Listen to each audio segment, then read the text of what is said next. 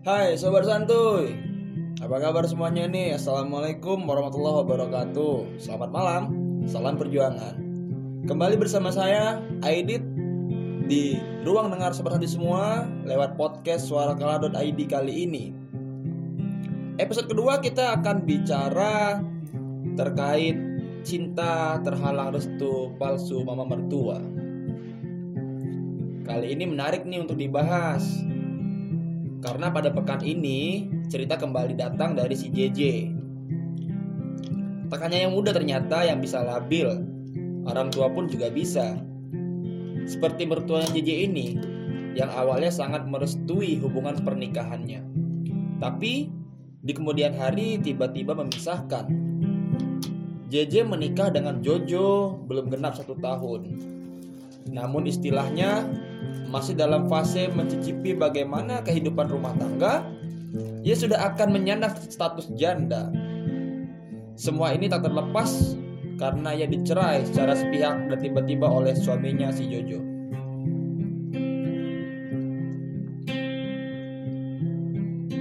Katanya perceraian ini atas permintaan mamanya dan langsung diikuti oleh Jojo karena ancaman warisan Ujar JJ sedih saat di pengadilan agama.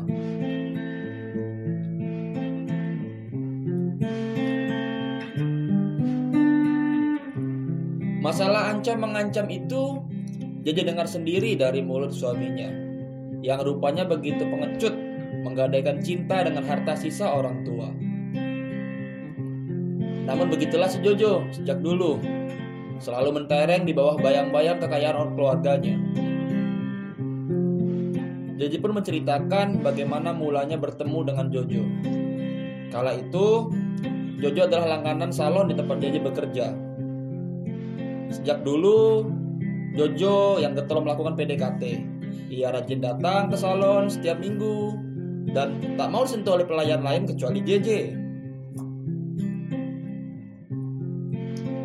Hingga pendekatan sampai pacaran, jadi sudah diberi kesan oleh Jojo bahwa ia adalah anak orang kaya.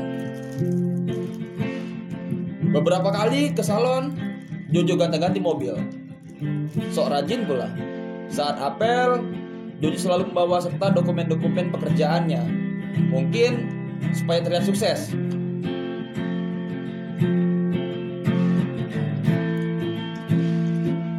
Gak tahu ya, saya kan nggak ngerti-ngerti banget.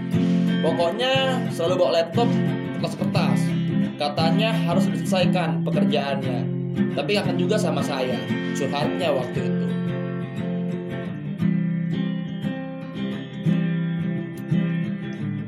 Kata Jeje lagi, dulu Jojo memperkenalkan diri sebagai pengacara. Namun ia tidak kerja di pengadilan. Apalagi di pengadilan agama.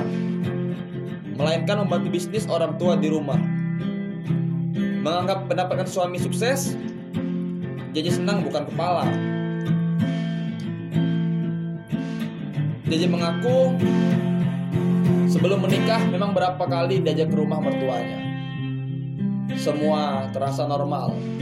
Ia diperlakukan dengan sangat baik. Diajak bicara diajak makan dan dianggap sebagai mantu sendiri. Ia tidak mendapatkan pandangan merendahkan mengenai status sosial atau keluarga JJ. Semua normal. Bahkan proses pernikahan juga berjalan cepat. Tiga bulan setelah pacaran, JJ pun dilamar. Dua bulan setelahnya, ia juga langsung menikah. Ini aku mulai merasa ada yang gak beres. Katanya kaya, tapi pernikahanku kecil-kecilan. Yang diundang keluarganya juga sedikit sikap JJ waktu itu. Belakangan JJ baru tahu kalau pernikahan itu terjadi lantaran Jojo yang memaksa. Jika tidak dinikahkan dengan JJ, ia mengancam bunuh diri ke orang tuanya. Rupanya Jojo pernah bucin atau budak cinta ya sobat santuy sebelum dibutakan oleh harta. Dan faktanya, JJ juga baru tahu bahwa sejak awal jadi memang tidak diterima oleh keluarga Jojo. Semua sikap baik hanyalah pura-pura semata. Karena sebenarnya mertua, ipar, terutama ibu mertuanya, Tidak suka dengan besannya yang kayaknya tak sepadan. Ya paham lah sobat satu semuanya ya. Ini masalah status. Status sosial. Sudah cukup terpukul. JJ juga mendapatkan kabar yang kurang mengenakan lagi. Rupanya Jojo juga sudah diiming-imingi akan dinikahkan oleh perempuan yang lebih cantik dari JJ. Kalau setuju untuk melakukan perceraian. Tentu jodoh pilihan mamanya ini lebih cantik, lebih bohai atau mungkin lebih cemok.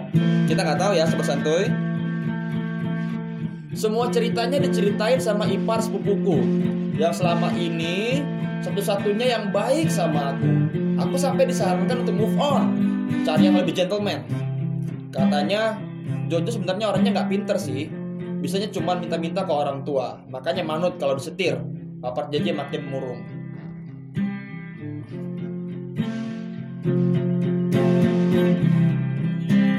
Ya, begitulah nanti semuanya. Kisah ini juga diberitakan oleh Pos Metro, salah satu surat kabar harian lokal di Batam. Dengan cerita ini, mungkin kita semua termasuk sobat santu yang mendengarkan dapat mengambil hikmah dan dapat menjadi pribadi yang lebih baik lagi. Ya, kalau cinta ya bilang cinta. Kalau memang harus ada restu orang tua, ya minta aja lah baik-baik. Jangan sampai semuanya seperti Jojo dan Jeji. Ikuti terus episode Jojo dan Jeji selanjutnya di ruang podcast suara kalah.id. Saya Aidit, pamit undur diri. Assalamualaikum warahmatullahi wabarakatuh. Selamat malam.